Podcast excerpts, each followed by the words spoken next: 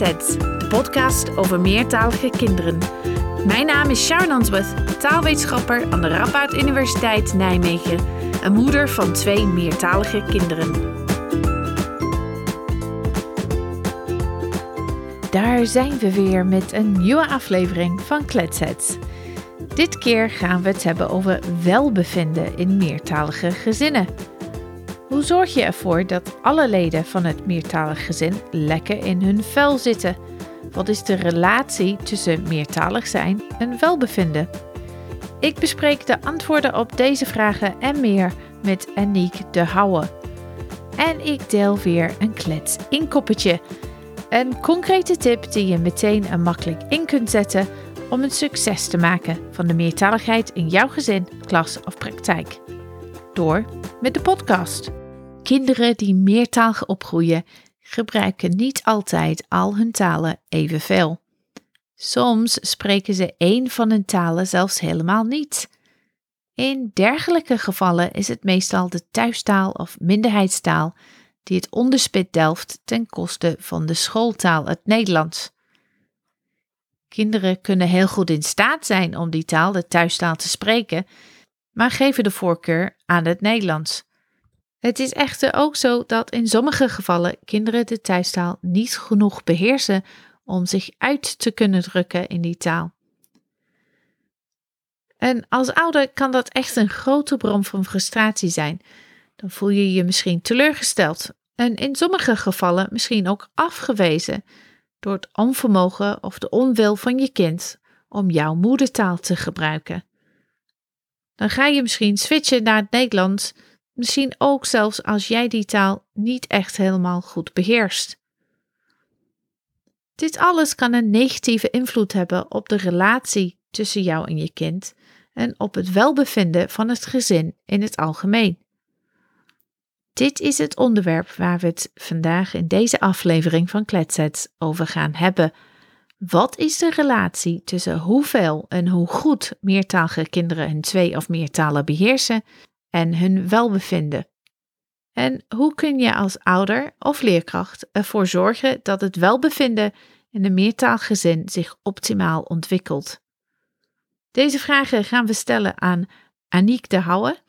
Aniek is oprichter en directeur van Habelnet, het netwerk Harmonische Tweetaligheid, en was tot voor kort hoogleraar taalontwikkeling en meertaligheid aan de Universiteit van Erfurt in Duitsland. Ik begon door Aniek te vragen wat we precies bedoelen als we praten over welbevinden. Ja, welbevinden, daarmee uh, bedoel ik, en uh, vele anderen met mij ook, um, een gevoel van ja, dat het je goed gaat in het algemeen. Dus op, vooral op sociaal, emotioneel vlak. Um, we gaan er wel van uit, dus welbevinden wil ik dan alleen maar eigenlijk bespreken voor mensen die genoeg te eten hebben. En in essentie uh, ja, een, een, dak boven hun hoofd hebben. En die voor de rest geen grote problemen hebben in hun leven. Wat betreft hun leven, om hun leven te voeren. Ja, dus het is een soort lekker in je vel zitten. Is dat het? Ja, eigenlijk. Dus dat wil ook zeggen afwezigheid van bepaalde symptomen. Bijvoorbeeld afwezigheid van depressie. Afwezigheid van... Uh, gevoelens van frustratie. Maar ik heb het hier dan wel over een meer uh, langdurige situatie. dus niet, ja, je kan uiteraard eens boos zijn op een bepaalde dag of zo, maar iets dat dan echt je leven um, op den duur uh, echt uh, benadeelt, ja, dan heb je geen welbevinden. Je noemde depressie. Kan je wel meer voorbeelden geven? Wat, wat, we, wat we bedoelen nou met welbevinden, om het wat concreter te maken? Bijvoorbeeld ook als kind um, ja, leer je op een bepaalde leeftijd, vanaf ongeveer drie jaar, leer je dat je via taal, dat je een effect kan hebben op anderen en dat je de kracht hebt zelf om anderen te beïnvloeden door je taalgebruik. Aha. En dat geeft jezelf een gevoel van zelfvertrouwen en dat sterkt dan je welbevinden, bijvoorbeeld. Ja, ja. ja. Ja, oké. dus uh, ook je, je zelfvertrouwen. En ook uh, gelukkig zijn. Tevredenheid. Misschien zou ik meer in die stijl zetten. Ja. Gelukkig zijn, dat heeft dan direct zo allerlei connotaties van, ja, misschien uh, oppervlakkigheid soms zelfs voor sommige mensen. Dus een, een algemeen gevoel van tevredenheid misschien met zichzelf en ook, heel belangrijk, met de mensen met wie je samenleeft. En dat is natuurlijk, als we dan uh, naar gezinnen gaan kijken en kinderen, kleine kinderen, is dat natuurlijk super belangrijk. En uh, we weten heel goed dat een familie is een dynamisch systeem dat samenhangt. En als het slecht gaat met een lid van de familie, gaat heel de familie daaronder lijden. Oké, dus het gaat om hoe, hoe de kinderen zich voelen en hoe, de, hoe het gezin uh, zich voelt. Dus de relaties tussen kinderen en ouders, maar ook kinderen en andere leden van het gezin. We zijn natuurlijk hier in een podcast over meertaligheid. En ik zei net in de inleiding uh, communicatie is heel belangrijk. En soms loopt het niet altijd even soepel tussen ouders en uh, kinderen in meertalige gezinnen. Ja, wat is dan de rol van communicatie in het welbevinden van gezin en kind? En, en waarom is dit dan bijzonder relevant hier, uh, dus voor meertalige gezinnen? Ja, zijn, kunnen daar al wel vanaf het begin, kunnen daar al een beetje problemen mee zijn. Want dikwijls komt dan zo'n tweede taal in het gezin binnen, doordat de baby is geboren waar voordien binnen het koppel slechts één taal werd gebruikt.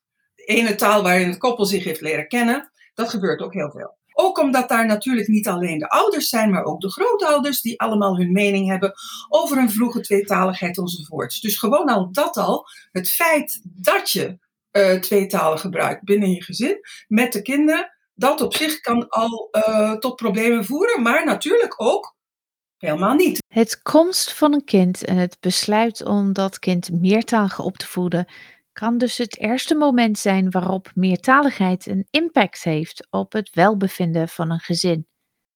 In de eerste aflevering van dit seizoen van Kletsets hebben we al gehoord over zo'n situatie toen ik met Duitsstalige moeder Leonie sprak.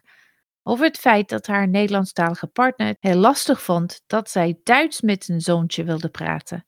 Voor veel gezinnen is het moment waarop kinderen naar school gaan en de jaren die daarop volgen ook een belangrijke schakelmoment dat ook gevolgen kan hebben voor taalgebruik thuis en voor het welbevinden van kind en gezin. Aniek legt uit. Het gezin op zich is een dynamisch systeem, maar dat is een dynamisch systeem dat deel uitmaakt van een veel groter dynamisch systeem. Namelijk, um, ja, een gezin leeft in een, in een maatschappij. En uh, wat er speelt en de ideeën die spelen in die maatschappij, de houdingen ten opzichte van verschillende specifieke talen en in het algemeen tegenover vroege tweetaligheid of vroege meertaligheid, mag het noemen zoals je wil die spelen dan een grote rol. En de school, ja, dat is heel belangrijk, omdat dat iets is dat ook langduriger uh, is, bestaat. Ja? En waar dus uh, het heel belangrijk is wat er op de school uh, gebeurt. Want het kind is ondertussen ook al een beetje ouder, is geen baby meer. En kinderen worden ook gesocialiseerd, dat wil zeggen opgevoed eigenlijk. Of gewoon, mm. ja, ze groeien gewoon op binnen een bepaalde constellatie. En um, ze leren heel dikwijls um, wat voor soort gedrag leidt tot hun uitsluiting of hun aanvaarding. En uh, dat kan ook in eentalige situaties gebeurt dat ook. Hè? Uh, maar dus in meertalige situaties zal een kind heel vlug ervaren of ja, voelen uh, dat een, een, een, taal die ze dan van thuis meebrengen naar de school, ja, dat die gewoon genegeerd wordt, bijvoorbeeld. Ja, ah, ja. Hoe zou dat zijn? Daarmee voelt het kind al van, oh, ik kan hier niet verder met die taal die ik van thuis meebreng. Um, dat moet iets betekenen. En als dan ook af en toe daar uh, commentaren komen op die thuistaal, of het kind wordt een beetje gepest uh, omwille van die thuistaal. Nou, dat is dan uh, heel begrijpelijk dat zo'n kind denkt van, nou, dan ga ik maar niet verder met die thuistaal, hè? Dat, ja. dat is hier niet leuk. En ik wil hier leuk gevonden worden, hier in mijn school. En door mijn juf. En door mijn meester. En dat is voor mij belangrijk. En dat is dus iets, ook inderdaad, zoals je zei, een heel belangrijk schakelpunt. En waarvan we weten dat, um, dat dat soms nefaste gevolgen heeft. En dat die ene taal niet meer wil spreken. En dat is waar dan heel veel um, tweetalige ouders, waar ze heel erg van schrikken. Want daar hadden ze helemaal niet aan gedacht dat het mogelijk was dat hun kind hun taal niet zou spreken. Ja. En dus ze schrikken daar heel van. En als het dan blijkt, iets blijvend blijkt te zijn, dan worden ze daar heel verdrietig van. Ze worden zelfs boos op hun kinderen. Ehm, en ook ouders voelen zich ook, en dit is een heel belangrijk aspect, schuldig. Schuldig ten opzichte van hun eigen ouders.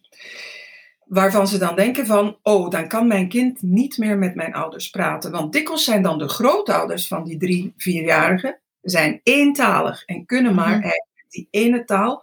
Wonen ook niet dichtbij. Um, dat zijn dan dikwijls gevallen waar men dan één keer per jaar op bezoek gaat en zo. Dat is dus een grote angst en een schuldig gevoel, schuldgevoel van de ouder, dat ze dus mislukt zijn in wat ze toch dan vinden dat hun basistaak is, namelijk hun taal overbrengen aan hun kind. Ja, gaat het hier echt om taalvaardigheid in die thuistaal? Of gaat het echt om het taalgebruiken? Ik weet dat er daar enige onderzoek over is. Wat, wat zegt het onderzoek daarover? Ja, het gaat echt vooral om die over het feit dat die taal niet meer gebruikt wordt. En als je een taal niet meer gebruikt, kan je ze niet meer oefenen. En we weten, en dus zeker bij die kleine kinderen, je moet je voorstellen, die hebben nog niet zoveel taal gebruikt in hun leven, want ze hebben een heel kort leven gehad. Dus ze hebben ook niet de mogelijkheid gehad om dus die taal te oefenen. En dat is dus ook in uh, eentalige taalontwikkeling, is oefening heel belangrijk. Dus namelijk gewoon, ja, gewoon de gewoonte hebben om bepaalde zinnen te maken.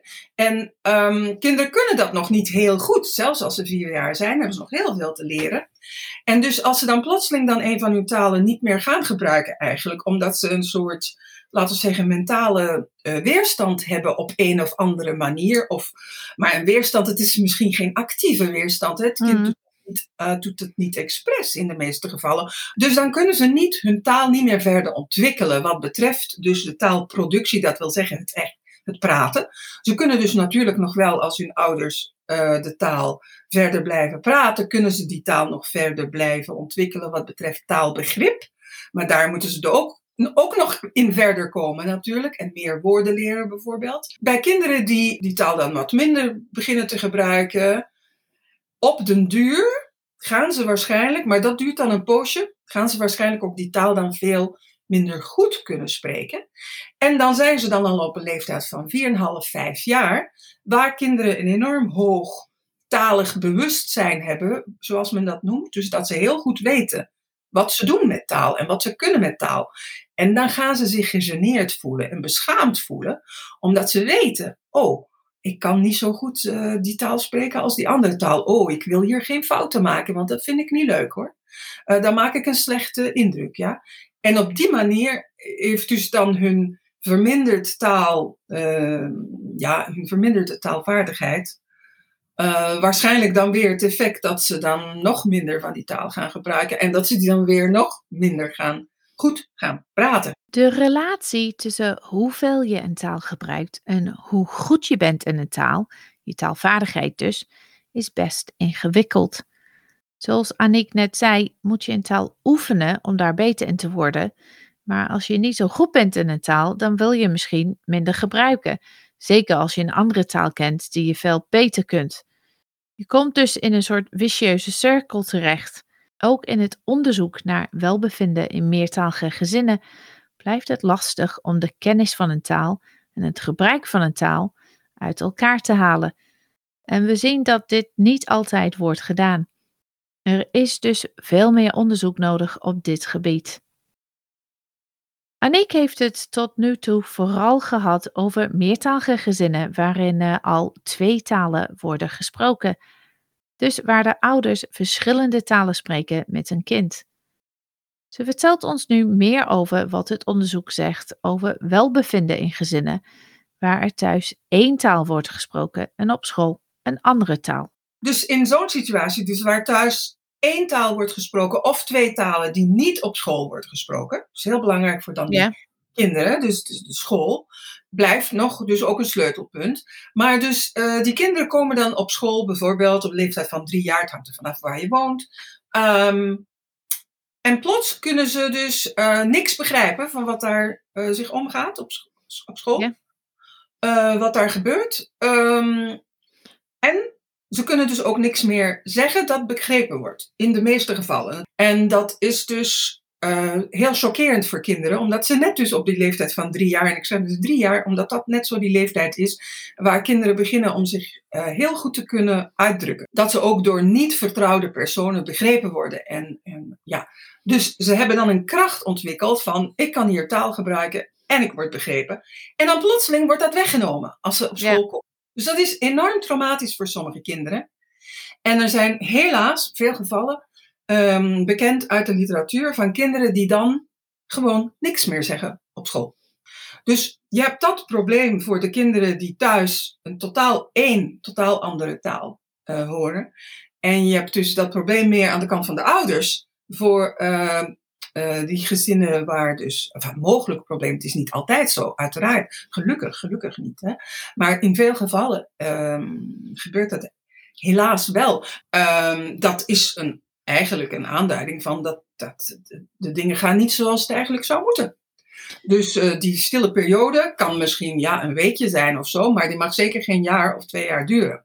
Uh, dan is er echt iets verkeerd. Dus het kan, uh, kan gebeuren als gevolg van dat wisseling van, van, oh, ik word begrepen tot, oh, uh, ik, kan, ik kan niet zeggen wat ik wil, niemand begrijpt mij. Dat kan als gevolg hebben dat kinderen dan vervolgens niks zeggen. Deels omdat het überhaupt niet kan, hè? Omdat, omdat ze die taal niet eens beheersen. Ja. Dat kan, maar het hoeft niet per se. Nee. nee, maar er zijn evengoed kinderen op die leeftijd, die dan in zo'n nieuwe groep komen, in een nieuwe taal, die al na een week beginnen allerlei dingetjes te zeggen in die nieuwe taal. Hè? Die heel openstaan voor die nieuwe taal. Dus er is enorm veel variatie tussen kinderen. We hebben het nu vooral gehad over jonge kinderen, dus of uh, voordat ze naar school gaan, of uh, op het mhm. moment dat ze naar school zijn gegaan.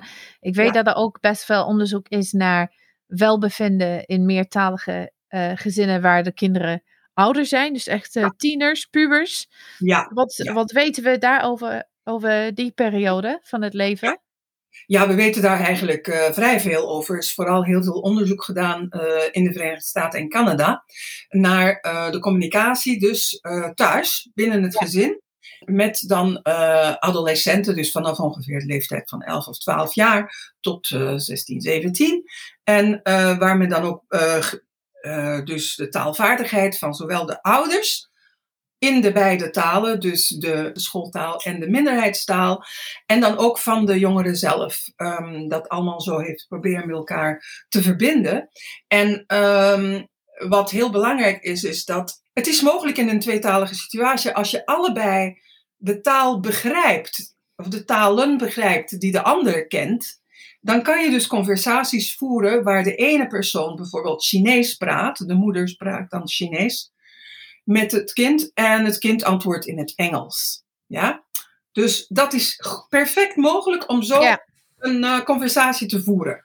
En heel veel tweetaligen doen dat eigenlijk. Maar wat heel duidelijk is uit um, studies van onder andere zulke gezinnen, is dat dit leidt tot een heel emotionele afstand tussen ouders en hun kinderen. Langs beide kanten. Dus waar de ouders zich niet echt begrepen of aanvaard voelen als ouder.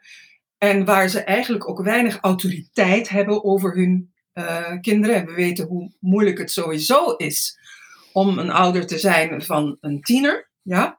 Uh, en, maar de jongeren op zich, zij voelen ook minder respect voor hun ouders. Zij voelen minder um, genegenheid ten opzichte van hun ouders. En dat komt door, de, door dat, uh, dat, dat wordt voorspeld door het feit of ze wel of niet dezelfde taal spreken. Inderdaad. Het niveau van taalvaardigheid is ook heel belangrijk in beide gevallen. Maar natuurlijk eerst is er of je überhaupt een bepaalde taal kan spreken. En dan kan je maar pas van, uh, van taalvaardigheid uh, gaan spreken natuurlijk. En bedoel je dan uh, taalvaardigheid van het kind van de ouder? Want ik kan me ook voorstellen... Ja, allebei. Allebei. allebei. Dat... allebei. Ja. ja, het is meestal zo dat de ouders dan wel de minderheidstaal nog goed spreken. Ja, maar waar het dan ook over gaat, is in hoeverre de ouders dan ook de schooltaal goed spreken. En dat is ook belangrijk. Dus het, is niet alleen, het gaat niet alleen over de uh, minderheidstaal, maar dus ook over de schooltaal. Het is duidelijk en dat zullen ouders zeker ervaren. Goede communicatie is, uh, is key als het gaat om goede relatie hebben met je kind. Gaat het echt om je hebt een taal gemeenzaamlijk waarmee, waarin je kunt communiceren? Of gaat het erom dat kinderen ook taalvaardig zijn in de, in de thuistaal? Dus in, in Engels in ons geval, Mhm. maar Chinees of wat dan ook. Ja, wel, de, de kwestie is dat je dus, ehm, als je woont in, in, een, in een gezin, dan vanaf het begin eh, ga je dus eh, banden opbouwen met, met de leden van je gezin.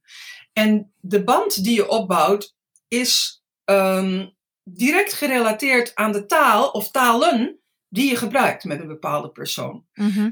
In een, in een eentalige gemeenschap, waarvan er heel weinig bestaan op de wereld, eh, valt dat niet op. Dat dat zo'n sterke band is. Ja? Er wordt direct er wordt dus een, een emotionele band opgebouwd. En dus gaandeweg, die band, ehm, die wordt gecreëerd door, de door het specifieke, ook door het specifieke taalgebruik. En als je dat dus gaat veranderen, dan heeft dat effecten op de band. Dus bijvoorbeeld, er zijn dan mensen die al, ehm, zoals in jouw, eventueel jouw keuzepatroon daar, hè, bijvoorbeeld je had kunnen naar het Nederlands verschuiven als je kinderen waren, ja, vier, vijf jaar oud waren, als ze dus naar de Nederlandstalige school gaan. Ik weet niet of ze naar een Nederlandstalige school gaan, maar in ieder geval. Ja. Ja, je had dan ook naar het Nederlands kunnen overschakelen. Want toen kon je ook al zelf wel goed Nederlands. Ja? Ja. Maar dan is nog de vraag of je kinderen dat zouden aanvaard hebben, emotioneel. Of ze daar zich niet tegen zouden. Ja, de Ik, vraag we- is- ik weet het antwoord daarop. Het is, Ah. eh, Ah, Dat zouden ze niet toestaan. Want zelfs, ik weet nog een keer toen ik in de. eh, toen ik de jongste ophaalde in de crash. eh, Mhm. En ja, er waren mensen om me heen. Ik dacht, nou, dan praat ik even Nederlands met mensen. Dan kan de rest gewoon volgen. Ja, ik kreeg echt van. Mommy, what are you doing? Don't speak Dutch to me. Dat vinden mijn kinderen in ieder geval niet fijn. Nee, nee ik, heb het zelf, ik heb dezelfde ervaring als moeder ook van een Nederlands-Engels tweetalig kind. Waar eh, ik het gewoon eh, beleefd vond als er andere Engelstalige mensen bij waren.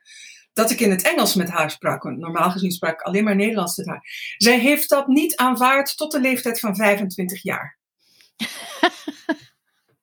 Dan, eh, ja, dan mocht het.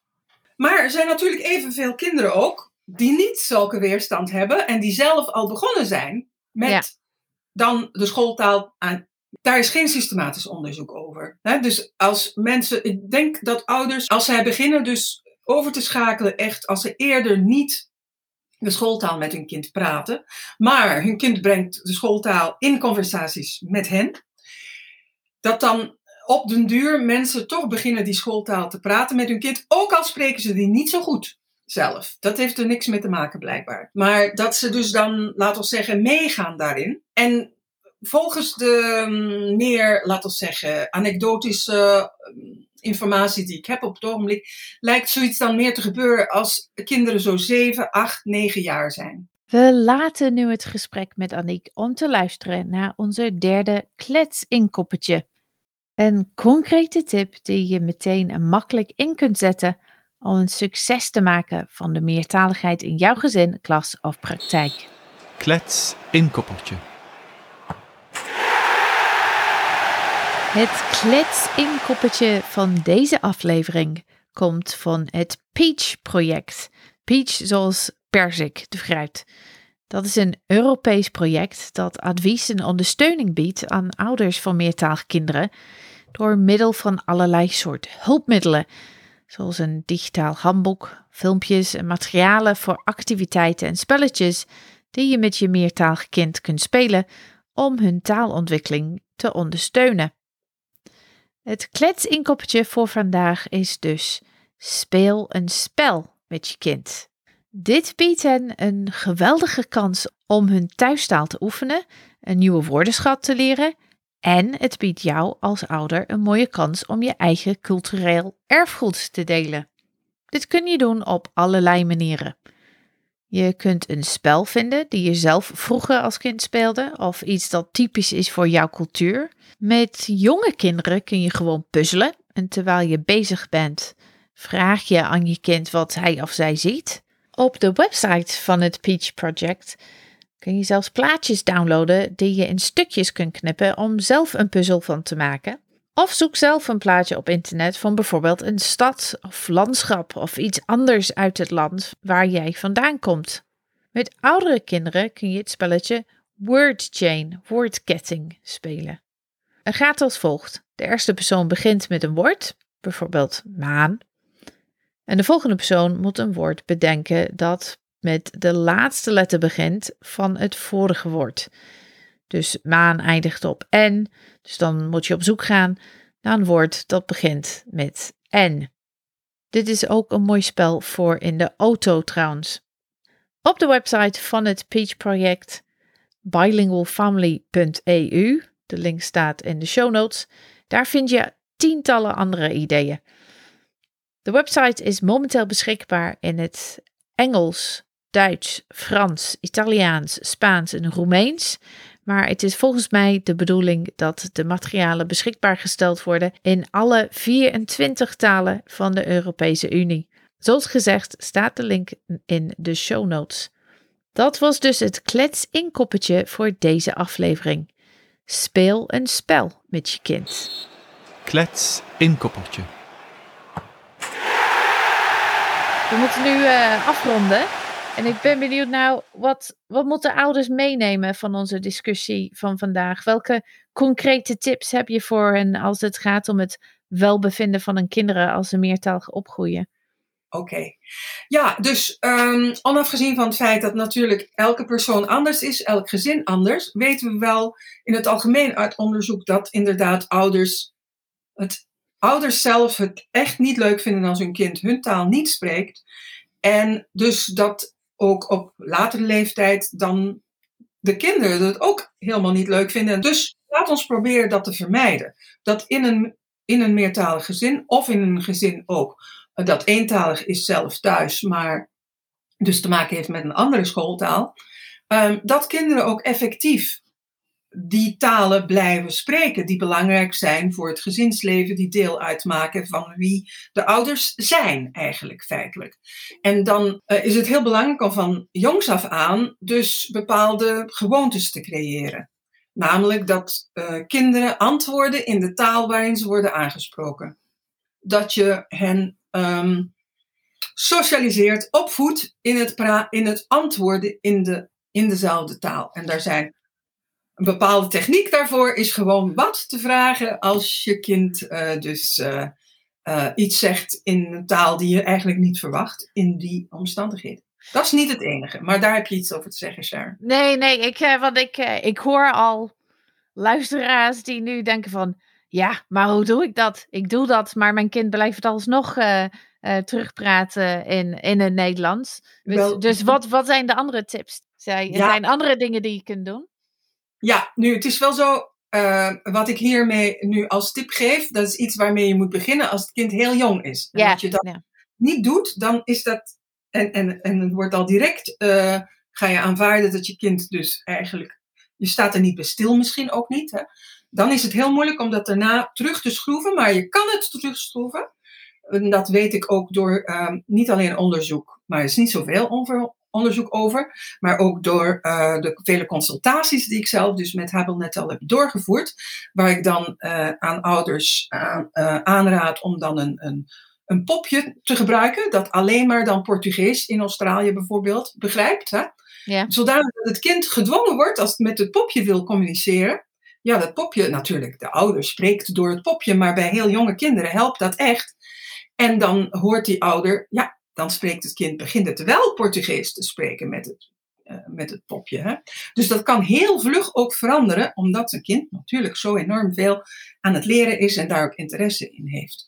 En natuurlijk is ook heel veel taal, taalaanbod, dus heel veel praten met je kind, antwoorden op de vragen van je kind. Dus in de supermarkt als je kind iets vraagt, ja, oké, maar je bent in de supermarkt. Je bent niet bezig met een belangrijk werk of zo. Je bent in de supermarkt. Aandacht aan je kleine kind. Er komt een vraag. Ja, het kind wil altijd wel iets in de supermarkt, dat weten we ook. Maar ga daarop in. Um, leer het kind dat, ja, dat het effect kan sorteren als het vragen stelt aan jou. Ook in de auto, als je eventueel onderweg bent, of op de trein en je hebt eigenlijk niet echt iets anders te doen. Praat met je kind. Vertel verhaaltjes met je kind. Dus maak het heel rijk, een rijk taalaanbod. Dus die twee dingen tezamen, die leggen een heel goede basis voor ehm, later ja, dat, dat je kind ook blijft je taal met je spreken. En dan komt natuurlijk dat schakelpunt als het kind naar school gaat. Probeer in ieder geval vrij te zijn en thuis te zijn als het kind thuis komt van de eerste schooldag. Voor het eerst naar school gaan is ongelooflijk belangrijk voor kinderen en ook heel ingrijpend voor kinderen. Ja? En vermoeiend. Vermoeiend ook. Dus je laat het kind eerst even tot rust komen, geeft ze te eten en te drinken. En je laat ze dan maar wat vertellen, ook in de schooltaal.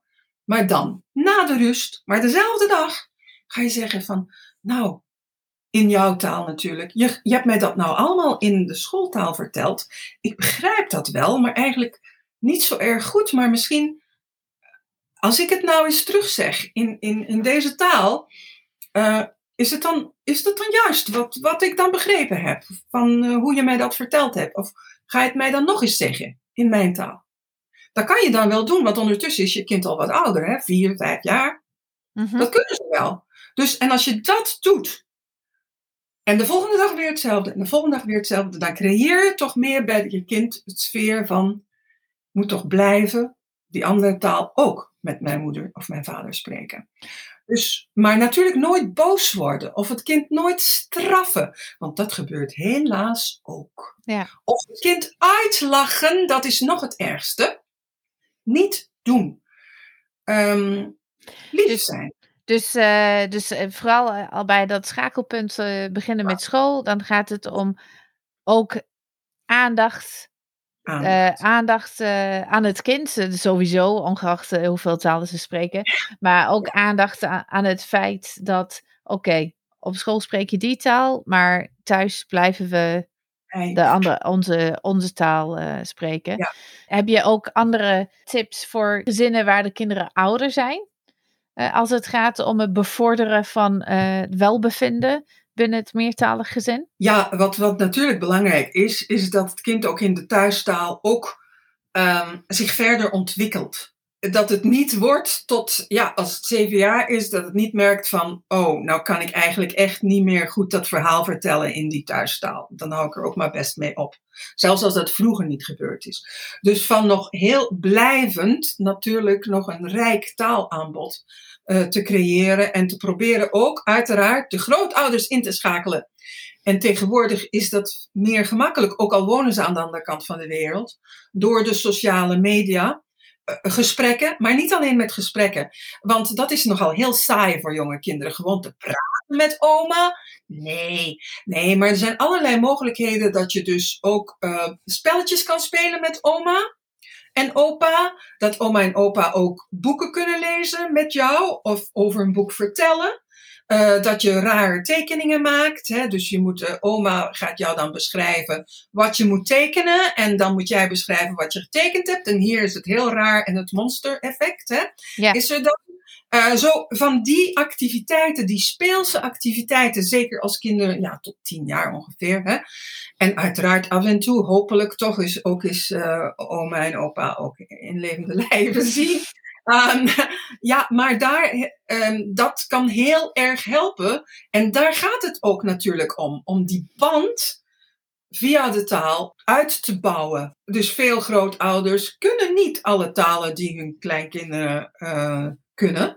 En um, het is soms dan schrijnend dat uh, als er geen overlap is, dat er dan gewoon geen contact meer is. En kinderen hebben iedereen nodig ja. uh, in hun leven. Ja, en dat, dat heeft ook te maken dan met dat schuldgevoel waar je het eerder over had van Ja. ouders. Dat uh, als hun kinderen dat niet kunnen communiceren met hun ouders, met de opa en oma. Ja. Dus dat zijn eh, tips voor ouders. Heb je ook tips voor leerkrachten over hoe zij meertalige kinderen en, en, en ouders moeten benaderen? Of hoe zij ervoor kunnen Ja. zorgen dat het welbevinden van meertalige kinderen zo optimaal mogelijk is? Ja, een heel belangrijke tip. En daar is meer en meer over geschreven. En er zijn heel veel tips nu in de literatuur. Dat is allemaal zo in de laatste vier, vijf jaar heel. Dat, dat is enorm toegenomen.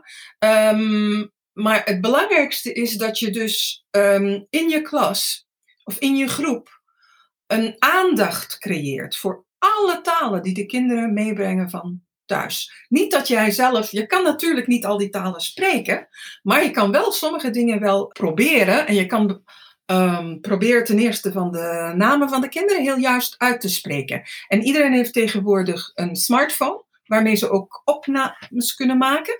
Dus je vraagt dan aan de ouders, zeker van dan een klein kind dat zelf misschien nog niet heel goed kan de naam kan uitspreken.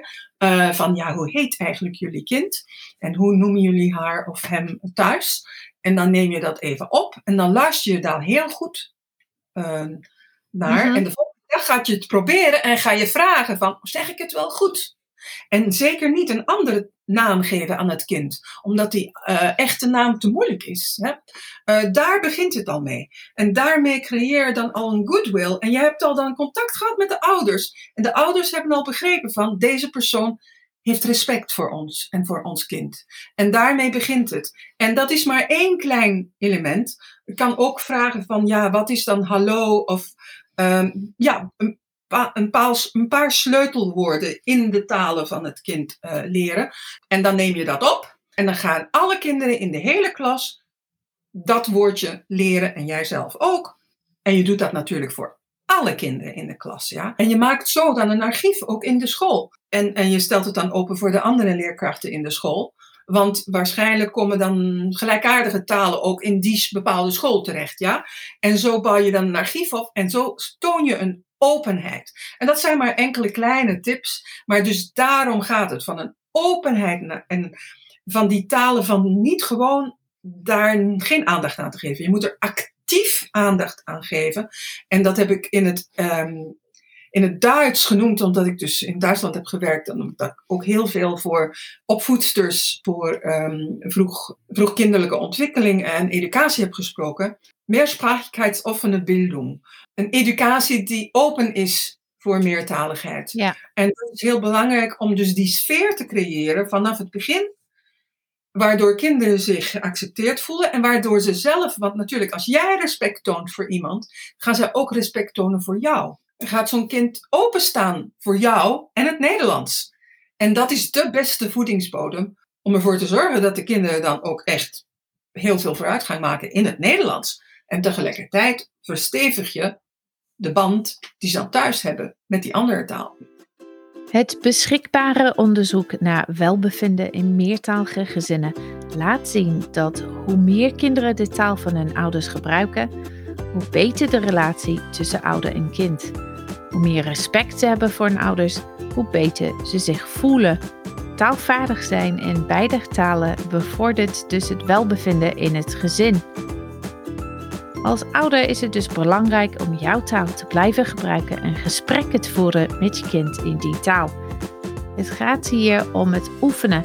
Oefenen om beter te worden, om een band te creëren met die taal en de mensen in het gezin en de bredere familie die deze taal spreken. Een onderwerp waar we het vandaag niet over hebben gehad, maar zeker ook relevant is als het gaat om welbevinden in meertalige gezinnen, is identiteit. Wil je meer daarover weten, dan luister naar aflevering 2 van dit seizoen, want daar gaan we in op allerlei aspecten van identiteit bij meertalige kinderen en wat dat betekent onder andere voor hun welbevinden. Anik heeft de term harmonieuze tweetaligheid bedacht om aan te geven, om aan te geven wanneer er een gevoel van welbevinden is onder kinderen en hun families in meertalige contexten. Wil je meer hierover weten en over het netwerk Harmonische Tweetaligheid? Ga naar de website. De link staat in de show notes. En vergeet het klets-inkoppertje niet.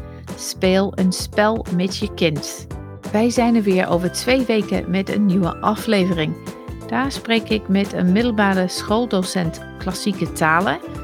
Hij vertelt hoe hij op een heel positieve manier omgaat met de meertaligheid van de leerlingen in zijn klas. En ik vertel je weer over een recent onderzoek naar meertalige kinderen. En onze taalgids Sterre vertelt je meer over het Tigrinya. Tot dan! Wil je meer weten over Kletsets? Ga dan naar www.kletsetspodcast.nl. Daar vind je ook meer informatie over deze aflevering. Wil je geen aflevering missen? Abonneer je dan op Kletsets via je favoriete podcast app. Kletsets vind je ook op Facebook, Twitter, Insta en LinkedIn. Onze naam uit Kletsetsnl. Ken je iemand die de podcast misschien leuk vindt en die hem nog niet kent? Dan zou ik het heel fijn vinden als je hem zou delen. Bedankt voor het luisteren en graag tot de volgende keer.